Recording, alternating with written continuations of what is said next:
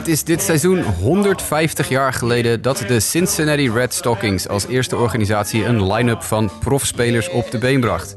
Ze kregen natuurlijk niet de monstercontracten zoals Trout, Arenado, Harper, Machado, Bregman, noem ze maar op, de afgelopen weken ondertekenden.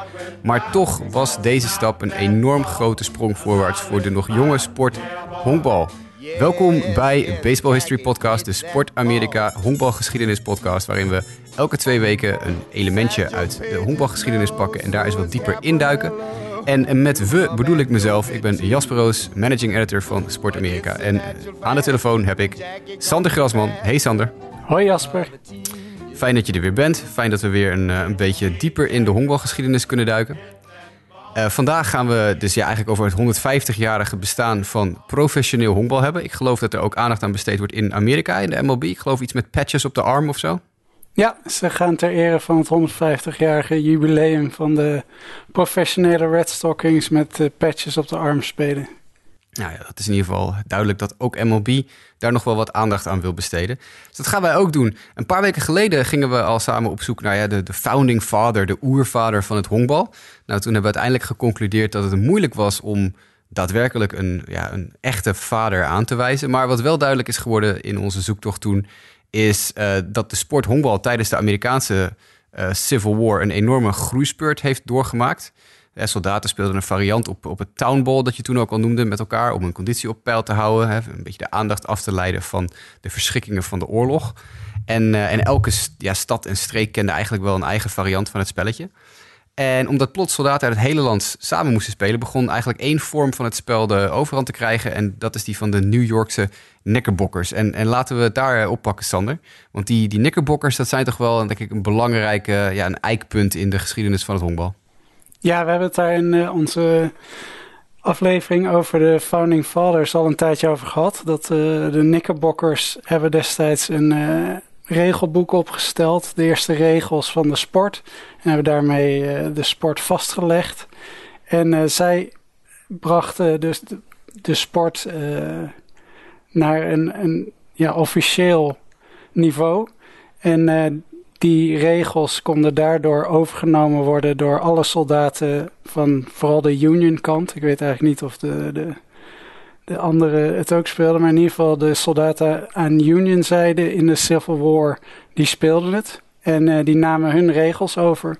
Dus vanaf dat moment begon het, uh, het New Yorkse Town Ball, het Knickerbocker Rules, de overhand te hebben. Ik weet niet of onze luisteraars weten wanneer precies de Amerikaanse Civil War werd gevochten. Dat was van 1861 tot 1865. Toen bestond er overigens al wel een honkbalbond. Die was al in 1857 opgericht. Maar je zag dat die, uh, die bond een uh, grote groei aan uh, leden kende tijdens die jaren, begin jaren 60 van de 19e eeuw. Want ze hadden aan het begin van de Civil War hadden ze nog maar een honderdtal leden. Terwijl dat in 1865 gegroeid was. Of nee, sorry. Shit. In 1865 had de bond 100 leden. En dat groeide in de twee jaar na de oorlog naar 400 leden in 19, 1867. En waar de eerste clubs vooral uit de buurt van New York kwamen, sloten zich nu ook clubs uit San Francisco en Louisiana aan. Hoewel de clubs in die tijd dus nog niet professioneel waren, werden sommige topspelers wel al betaald voor hun diensten. Ja, en dat is eigenlijk heel logisch, hè? want er wordt steeds meer aandacht besteed aan, aan het honkbal. Het honkbal wordt steeds populairder. Uh, je hebt het uh, twee weken geleden hebben het ook al gehad over Henry Chadwick, de, de, de uitvinder van de boxscores, die dus door de boxscores en de, en de scoreverlopen van wedstrijden en een soort wedstrijdverslagjes in statistische vorm steeds meer aandacht weet te schenken aan het honkbal. En, en de sport groeit dus eigenlijk in een enorm tempo. Niet alleen de sport zelf, maar ook de spelers worden steeds meer ja, iconen eigenlijk. Hè? Wat je nu al heel erg ziet. Spelers echt uh, ja, de, de, dienst uitmaken. Het begint dan eigenlijk ook al te komen. Dus, dus ja, je ziet die honkballers, die willen toch op een gegeven moment... Uh, ja, toch ook ja, betaald krijgen of gezien worden als de toppers die ze zijn. Ja, je ziet dat ze langzamerhand landelijke bekendheid krijgen... omdat die verslagen dus in de kranten verschijnen. En hun onderhandelingspositie versterkt daardoor. Zij worden bekende figuren. En het was clubs dan wel niet toegestaan om de spelers een salaris te bieden. Maar ze konden wel een mouw eraan passen. Soms werd er een uh, schijnfunctie bedacht binnen het bedrijf van de team-eigenaar.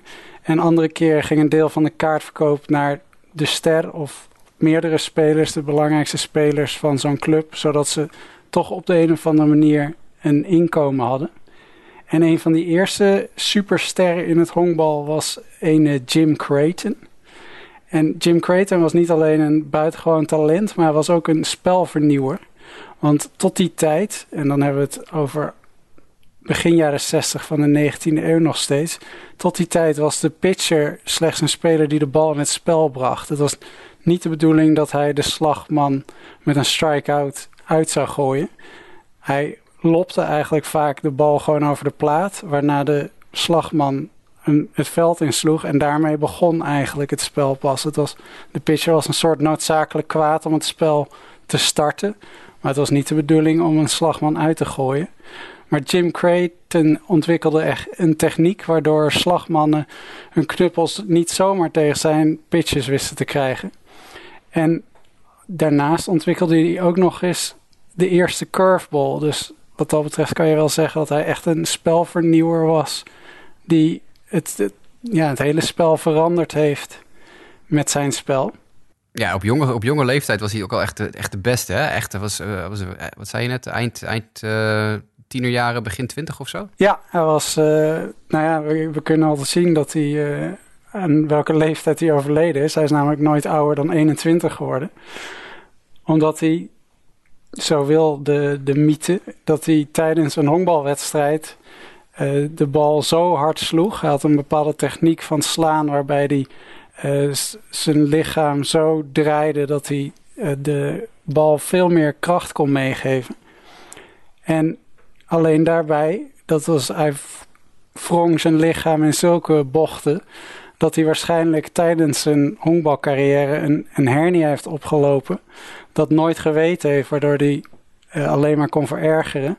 En tijdens een wedstrijd zou hij daarbij iets gescheurd hebben. Hij dacht zelf eerst dat het een, uh, zijn riem was die scheurde. Maar dat bleek uiteindelijk niet het geval te zijn. Het bleek iets inwendigs te zijn. En daaraan is hij dus ook overleden. Zo gaat één verhaal. Andere verhalen zeggen soms ook dat het uh, tijdens het cricketen was gebeurd.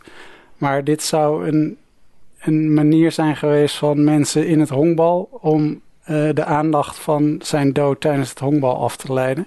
En het lijkt er toch op dat het bij het honkbal is gebeurd, want dat staat ook in verslagen in kranten uit die tijd. Hij speelde, toen, hij speelde toen voor de Brooklyn Excelsiors. Ik heb nog nooit van die organisatie gehoord. Dat uh, is wel, wel interessant om te zien dat er toen al, 1862 hebben we het dan over, toch al een soort enige structuur eh, heeft plaatsgevonden. Dat er uit verschillende boroughs dus ook teams komen. Niet alleen uit de grote steden, maar ook Brooklyn als borough.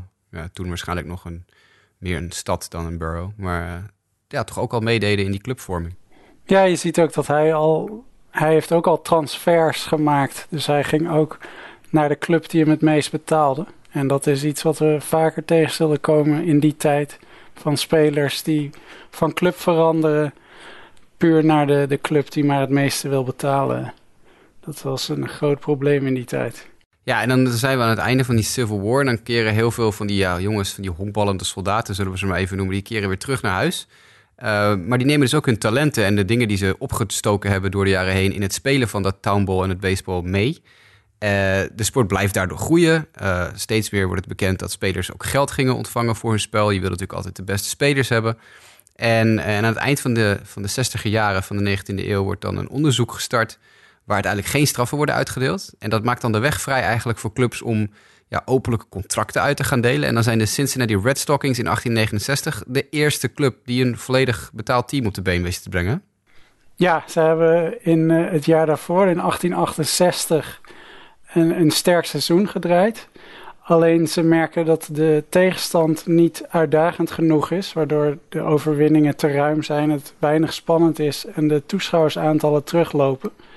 En dus besluit teameigenaar Aaron B. Champion om uh, de eigen regio wat meer te verlaten en door het land te gaan trekken op zoek naar sterkere tegenstanders. Alleen als ze dan lang van huis zijn en lange trips moeten maken, moet er natuurlijk ook iets tegenover staan. Het kan niet dat uh, die spelers daar geen, uh, geen vergoeding voor krijgen. En dus gaat hij een heel team op de been brengen die hij allemaal een salaris gaat aanbieden. Hij stelt uh, outfielder en captain van zijn team Harry Wright op dat moment. Die is dan al een paar jaar in dienst. die stelt hij een kleine 10.000 dollar ter beschikking om een een sterrenensemble bij elkaar te verzamelen. Je kan het vergelijken een beetje met de Galacticos van Real Madrid. Uh, toen hij alles kocht wat los en vast zit. Hij heeft ineens allemaal geld tot zijn beschikking en is de enige club die dat geld heeft. Dus hij trekt meerdere grote namen aan. Eigenlijk de, bijna de hele selectie van het jaar daarvoor wordt vervangen. Hij uh, haalt een pitcher, Asa Brainerd. Hij haalt een andere outfielder, Kel McVeigh. En zijn eigen broer George Wright haalt hij over om voor de Red Stockings te tekenen. Dat laatste klinkt natuurlijk een beetje als nepotisme, maar dat is zeker niet het geval. Want George Wright was een van de beste spelers op dat moment, zo niet de beste. Alleen was hij ook een begenadigd cricketer.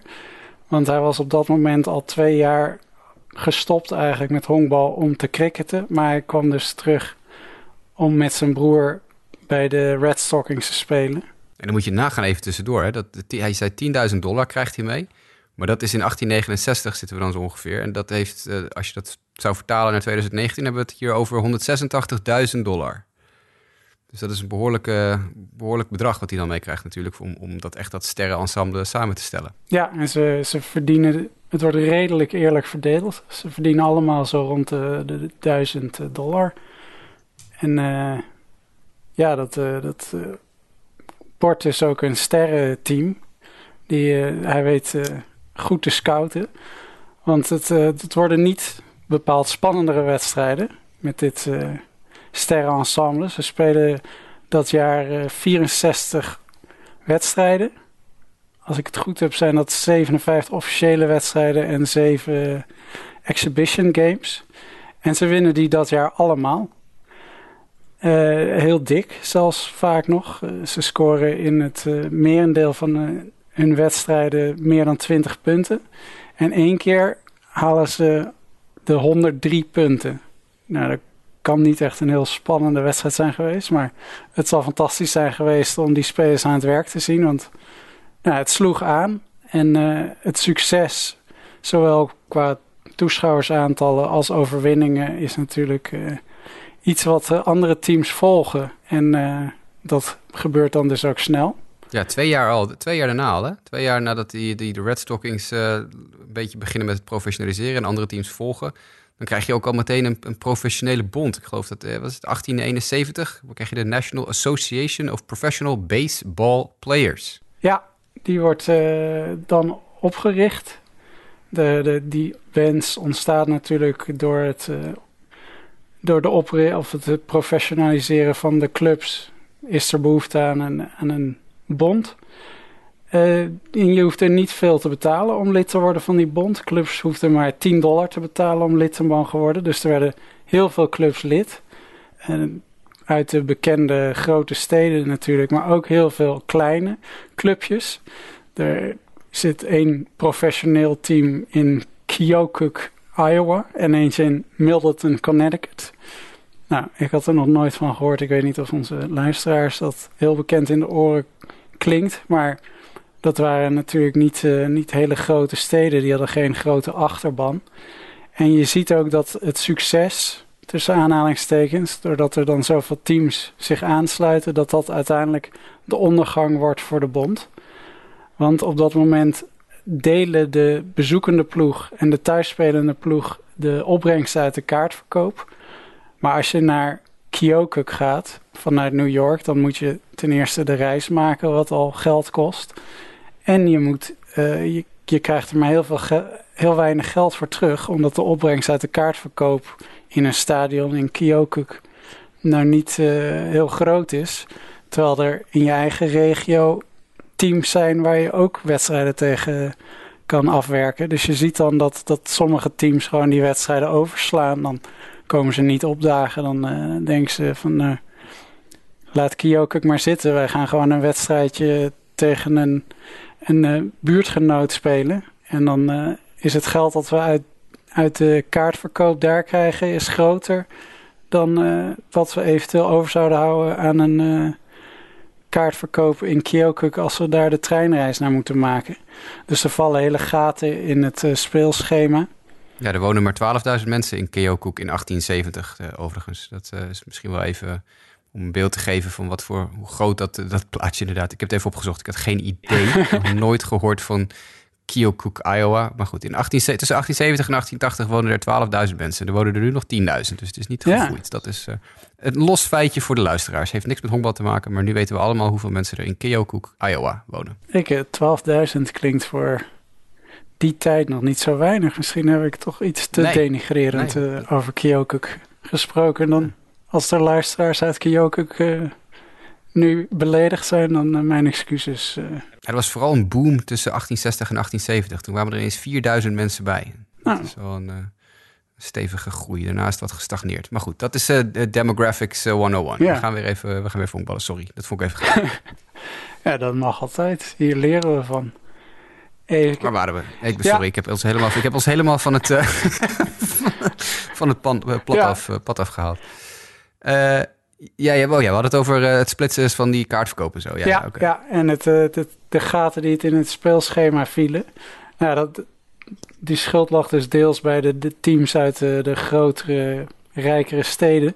Maar ook die clubs uit de kleine plaatsjes, die hadden ook niet altijd geld om eh, de, de reis te maken naar de, de, andere steden. Die moesten best ver reizen. En ze hadden dan die 10 dollar betaald.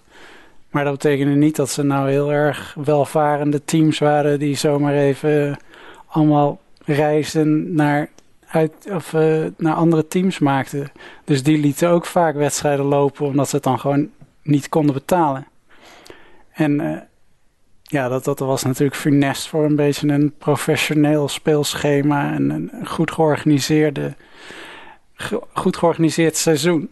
Ja, en daarnaast had je nog een ander probleem natuurlijk binnen die organisatie. Dat uh, waren de spelers die aangeduid werden met de naam revolvers. Hè? Spelers die voortdurend van de ene naar de andere club hopten en eigenlijk gewoon als een soort ja, huursoldaten voor het team gingen spelen dat gewoon het meest betaalde.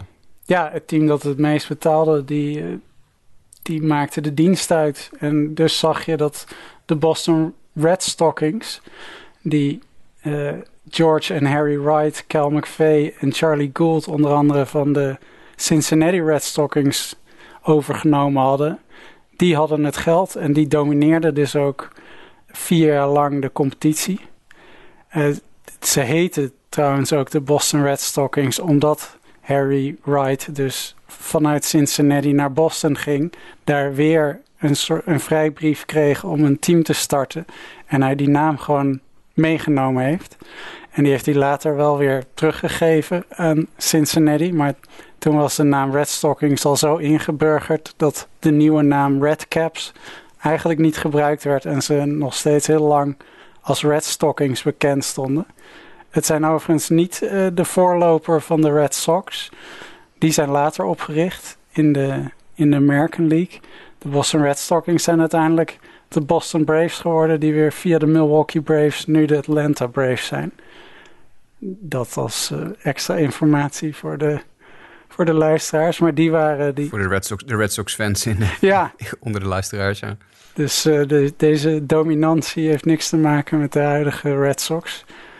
En zij werden vier jaar achter elkaar kampioen. Nou, het geeft ook maar weer eens aan hoe goed George en Harry Wright en Cal McVeigh waren. Dus die waren nadat ze dat succes hadden met de Cincinnati Red Stockings gewoon doorgegaan met winnen in Boston. En dat maakte de sporter ook niet populairder natuurlijk op als eigenlijk al vaststaat wie er gaat winnen. Dus dat heeft ook niet geholpen met het uh, succes van de, de NB, NAPB, NAPBB. Het is inderdaad, ze, ze, zijn, wel vrij snel overgestapt naar een makkelijkere naam. En dat begint eigenlijk op het moment dat die clubs dus ook een beetje geïrriteerd beginnen te raken door dat uh, voortdurende geclubhop.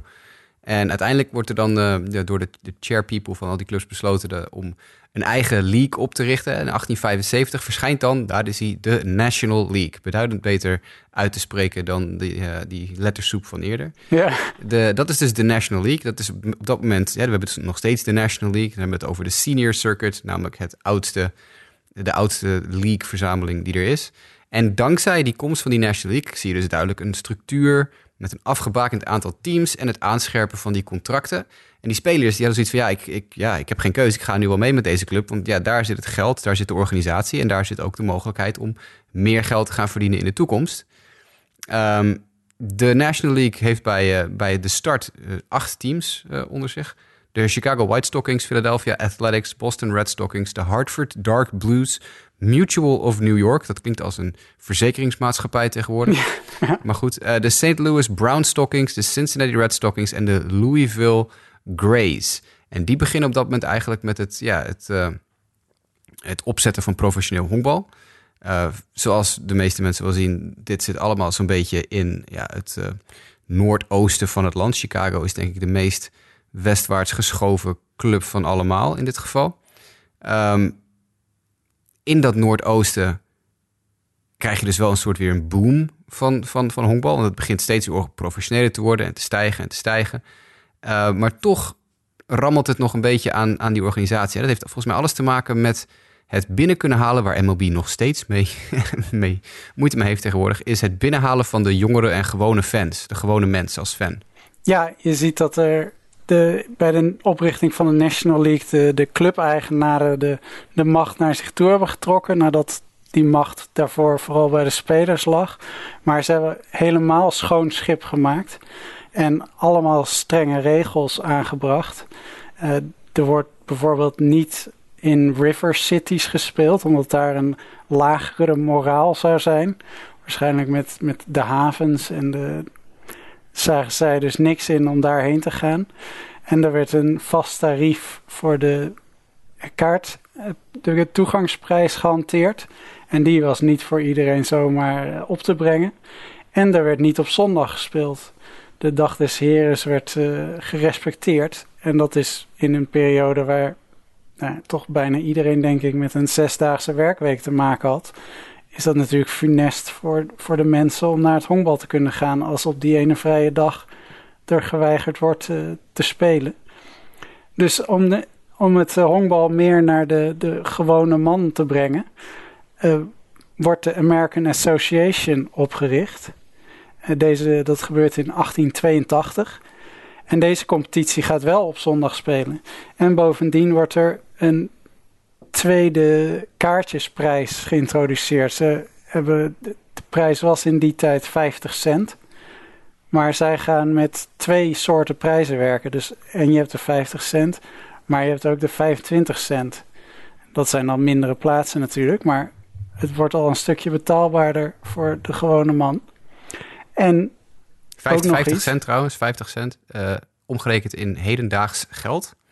Dat is ook altijd, altijd even belangrijk om te melden, uh, zou zijn 12 dollar en 40 cent. Oh. Dus de toegangsprijs was 12 dollar, ja, dat... die 50 cent kaartjes. Ik geloof niet dat je het makkelijk tegenwoordig voor minder dan 12 dollar... Nee, een, een biertje kost 12 dollar. Ja. Dus dat, is, dat wordt tijd voor een nieuwe American Association misschien wel. Om het weer wat betaalbaarder te krijgen. Maar ja. dat is uh, natuurlijk, het is nu wel gewoon op te brengen. Maar wat je zegt over biertjes, die waren er dus ook niet voor de American Association.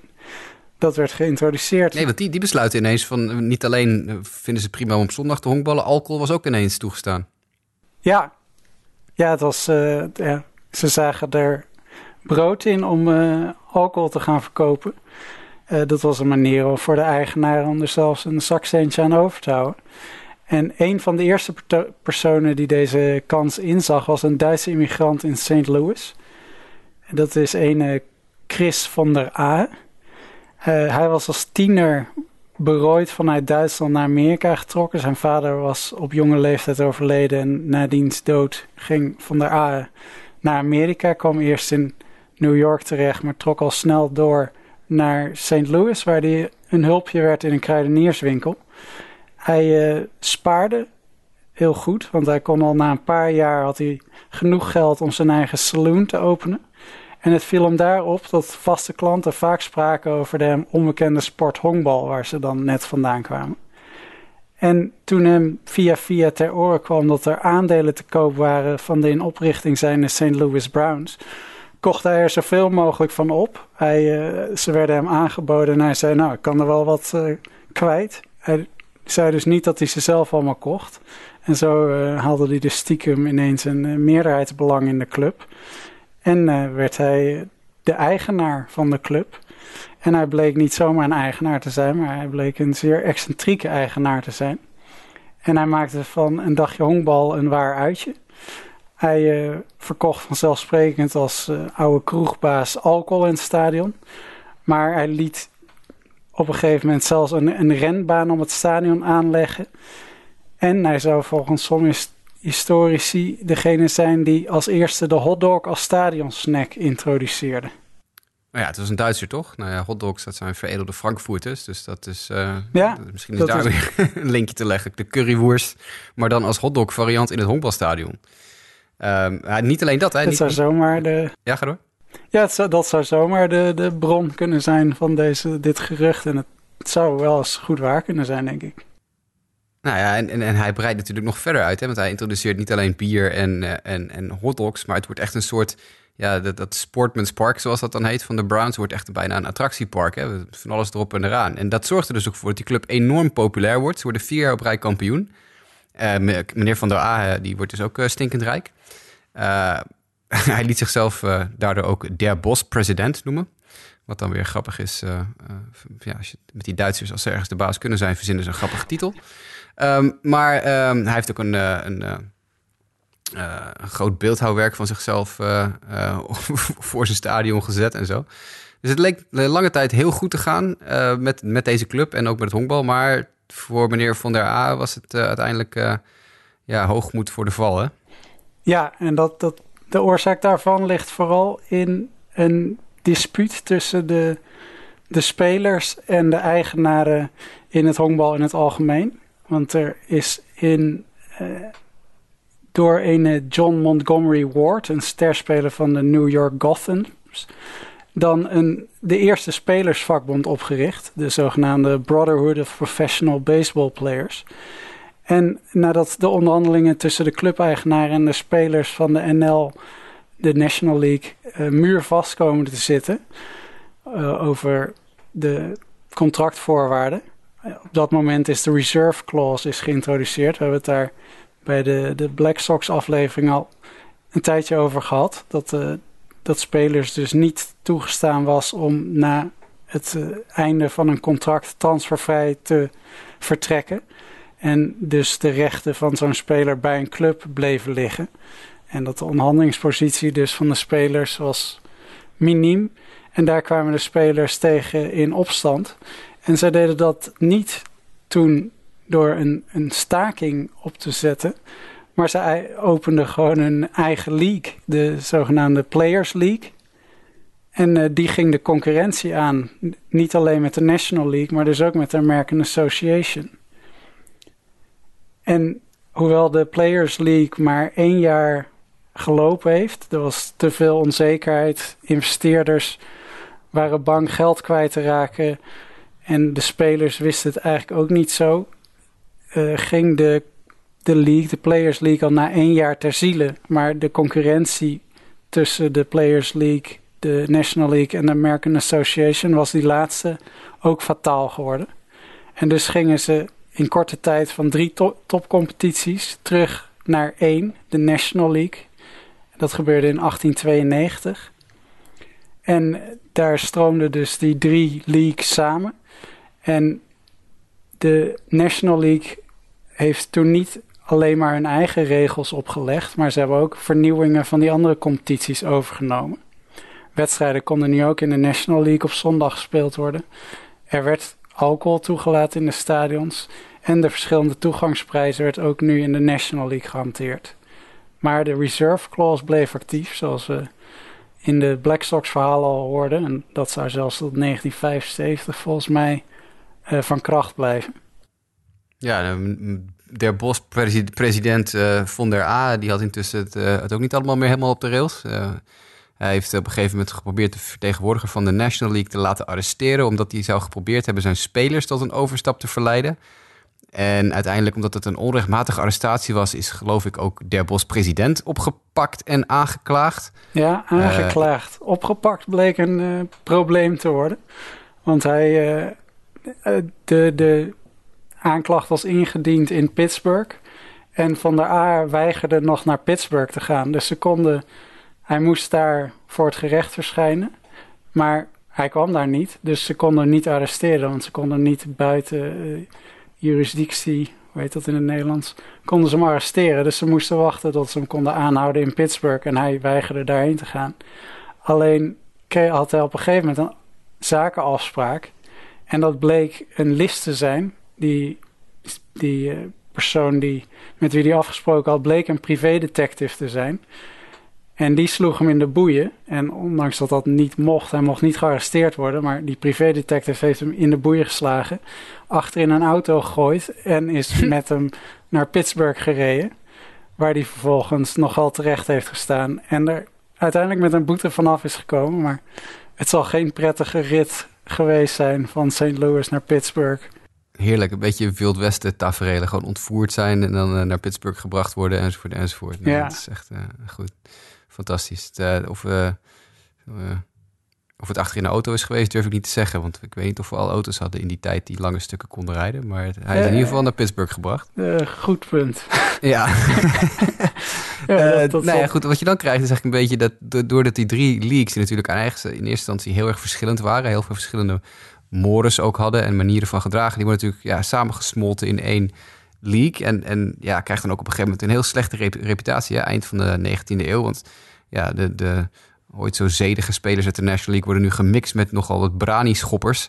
Spelers vloeken als ketters, gaan met elkaar op de vuist. Scheidsrechters doen mee aan vechtpartijen. Uh, in, in 1894 is daar geloof ik een mooi verhaal over dat het tijdens een wedstrijd tussen de Boston Bean Eaters en de Baltimore Orioles helemaal uit de hand loopt als uh, Tommy Foghorn Tucker. Daar gaan we weer met de bijnamen, net als een paar weken geleden. Uh, Orioles derde honkman John McGraw onver slijt. McGraw die schopt vervolgens Tucker in zijn gezicht. Opstootje ontstaat. Uh, scheidsrechters uh, ja, die, die weten uiteindelijk de ruzie in de kiem te smoren. Maar het, het hele stadion zit dan eigenlijk op het puntje van hun stoel af te wachten... hoe Tucker wraak zal gaan nemen. En, en ja, als je dan teammates hebt als Wilbert Robinson... die aan de kant gaan staan schreeuwen en je opstaan te jutten... dat je vooral wraak moet nemen... Uh, dan kan je eigenlijk wel zeggen... dan weet je zeker dat het fout gaat. Ja, daar hangt dan een, sfeer van... er hangt verwachting in de lucht... dat de vlam in de pan gaat slaan. En dat blijkt eigenlijk vooral letterlijk te gebeuren... Want terwijl het hele publiek kijkt naar die, die Foghorn Tucker en John McGraw en, en afwachten of die, die weer op de vuist gaan eh, in een latere inning. Breekt er brand uit in het, in het rechtsveld.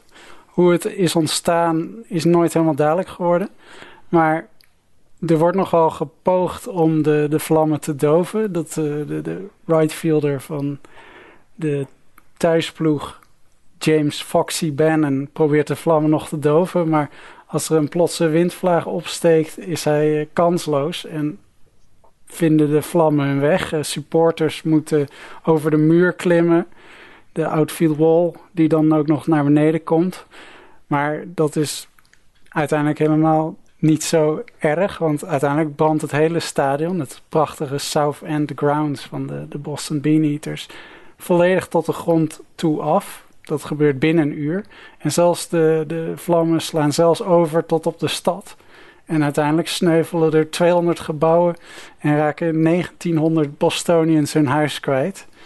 En dat was al een. Uh, ja, dat, dat werd absoluut, uh, was het absolute dieptepunt van deze roerige periode van de National League. Ja, ja, het is dan ook hoog tijd dat er iets nieuws gedaan wordt. En dat komt dan eigenlijk in 1900, hè, als de Western League. Het is een beetje een soort, ja, ik wil niet zeggen minor league, komt iets meer een beetje wat tegenwoordig independent ball zou zijn. Ehm, die gaan onder aanvoering van Ben Johnson, B-A-N, Ben Johnson, die hebben we ook al eerder gehoord. Uh, zichzelf omdopen tot de American League. En dat is dan de eerste stap in de concurrentiestrijd met die dan door schandalen geteisterde National League. En ja, een jaar later eh, roept de, de American League zich al uit tot de tweede Major League. En uiteindelijk, gelukkig, na twee jaar strijd met de National League, wordt in 1903 met de ondertekening van een nieuwe National Agreement de strijdbijl begraven. En vanaf dat moment hebben we eigenlijk wat we tegenwoordig kennen als de Major League. Sinds dat jaar wordt dan ook het honkbalseizoen traditioneel afgesloten met de World Series tussen de winnaars van de National League en de American League. En ja, dat als je dan terugkijkt, 1903 uh, is uh, ja, het is een aardige tijd geleden, maar als je ziet wat er allemaal aan vooraf gaat, is denk ik het moment van het ontstaan van die Major League, zoals we die nu kennen, het feit dat het al zo lang gebroederlijk tussen aanhalingstekens samengaat. Zeker gezien de, de voorgeschiedenis wel een opvallende ontwikkeling, denk ik. Ja, ik uh, zag trouwens dat de, de leagues, de National League en de American League, lange tijd nog wel in, op heel veel vlakken gescheiden waren. Dat was iets wat ik eigenlijk niet echt wist. Maar dat uh, scheidsrechters ook eigenlijk maar deel uitmaakten van één league. Dat, dus die, ze hebben gebroedelijk naast elkaar geleefd. Maar het heeft nog wel een jaar of... Volgens mij was het een jaar of zeventig nog geduurd... dat ze toch wel echt verschillende leagues waren. Terwijl nu de divisies zijn in de verschillende leagues ondergebracht. Maar het is nu toch wel echt een major league. En toen was het lange tijd is het toch nog wel een American League en een National League. Echt aparte instituten geweest. Ja, ze zijn de laatste paar jaar alleen maar bezig geweest om die brug nog steeds meer uh, weg te halen. Dus steeds meer dichter bij elkaar te komen met interleague play. Dat inmiddels ja, meer schering en inslag is dan dat het speciaal is. Waar je natuurlijk in de jaren negentig nog wel vaak het goed. Oh, we hebben interleague play halverwege het seizoen. Spelen die clubs van de American en National League nu ongeveer het hele jaar door al tegen elkaar. Nou, dat is denk ik iets wat in 1903 niet voor mogelijk gehouden zou zijn. Nee, en als we binnenkort ook dan de designated hitter in de National League krijgen, ja. dan uh, zijn uh, alle verschillen zijn glad getrokken, denk ik. Ja, dan heeft denk ik de National League uh, niets meer om op terug te vallen, behalve de bijnaam Senior Circuit. want dat schijnt dat toch wel weer een soort geuzennaam te zijn geworden. En ja, altijd een beetje als ondergeschoven broertje, ondanks dat de National League natuurlijk de oorspronkelijke proforganisatie is eigenlijk, min of meer.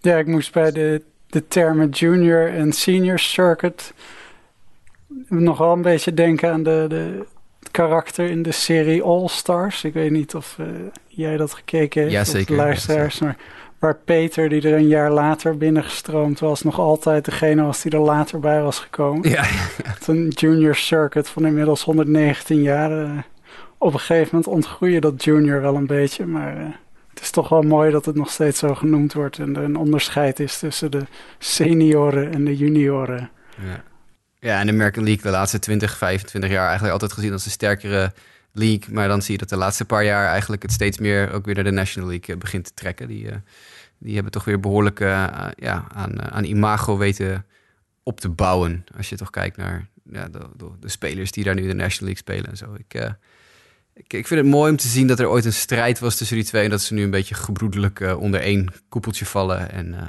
ja, het is eigenlijk meer omdat het ja, honkbal toch wel een geschiedenisliefhebbende sport is. Dat we dit zo houden. Dan dat gewoon iedereen op één hoop gesodemieterd wordt. En we gewoon een competitie met 30 teams krijgen. Maar dat, ik, ik hou er wel van. Ik vind het wel mooi. Ja, traditie is iets om in ere te houden, denk ik. In ieder geval zeker als de sport aankomt, ja. Ja, dat vooral, ja. Ik zag trouwens dat de, de American Association, dat had ik nog niet gezegd, die, dat werd de Beer and Whiskey League genoemd. Toen je net had over een geuze naam, dan moest ik daar even aan denken. Dat, het, uh, dat was de term die de National League zich, of de naam die de National League zich gaf in een poging om ze een beetje zwart te maken. Maar eigenlijk waren ze wel blij met die bijnaam, dus dat hebben ze toen maar zichzelf ook zo genoemd. De Beer and Whiskey League. Dat vonden ze helemaal niet zo erg om zo genoemd te worden. Ik, uh, het is een beetje hetzelfde als de geuzennaam. Uh, als je voetbalt op zaterdagmiddag, uh, dat je in de biercompetitie, ja. de bierleague, loopt te honkballen of, of te, te, voetballen.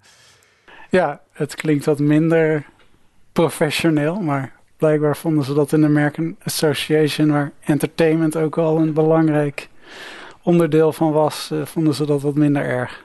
Nee, inderdaad.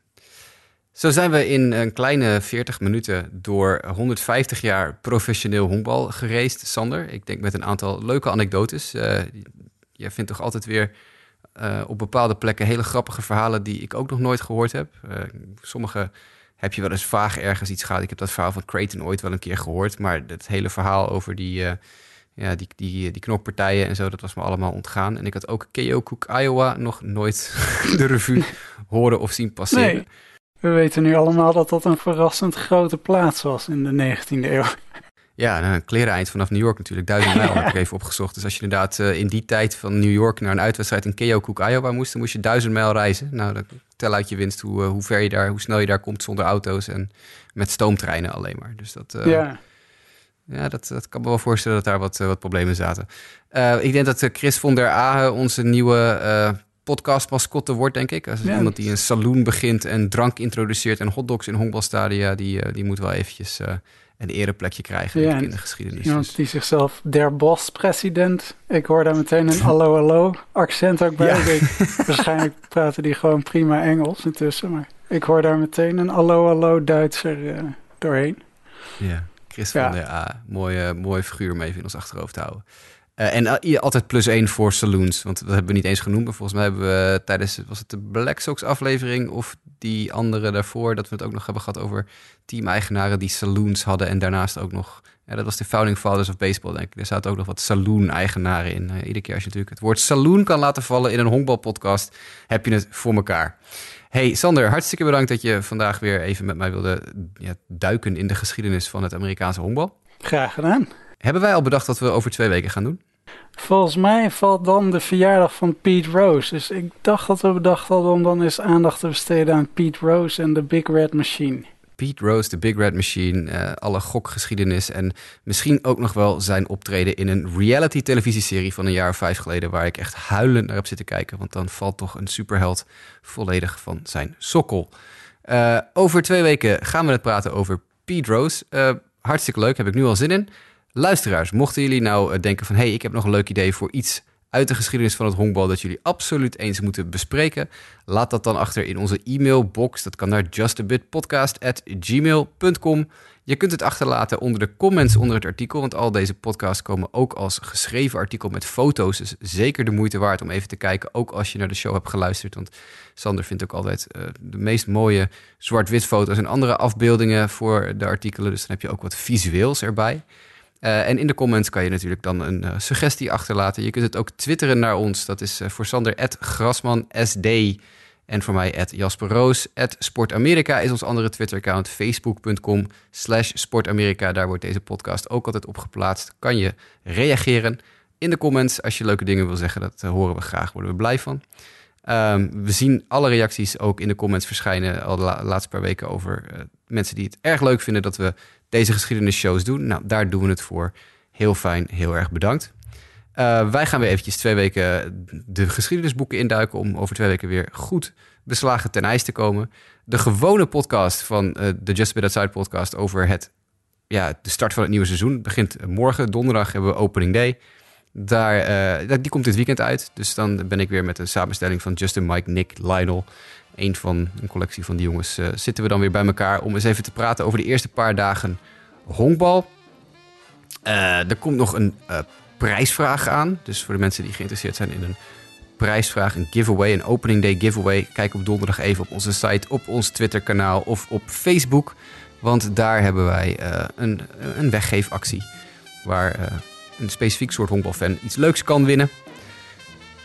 Verder heb ik even niks. Sander, hartstikke bedankt tot over twee weken. Tot over twee weken. Luisteraars, bedankt voor het luisteren en graag tot de volgende aflevering. Yes, yes, Jack is real gone.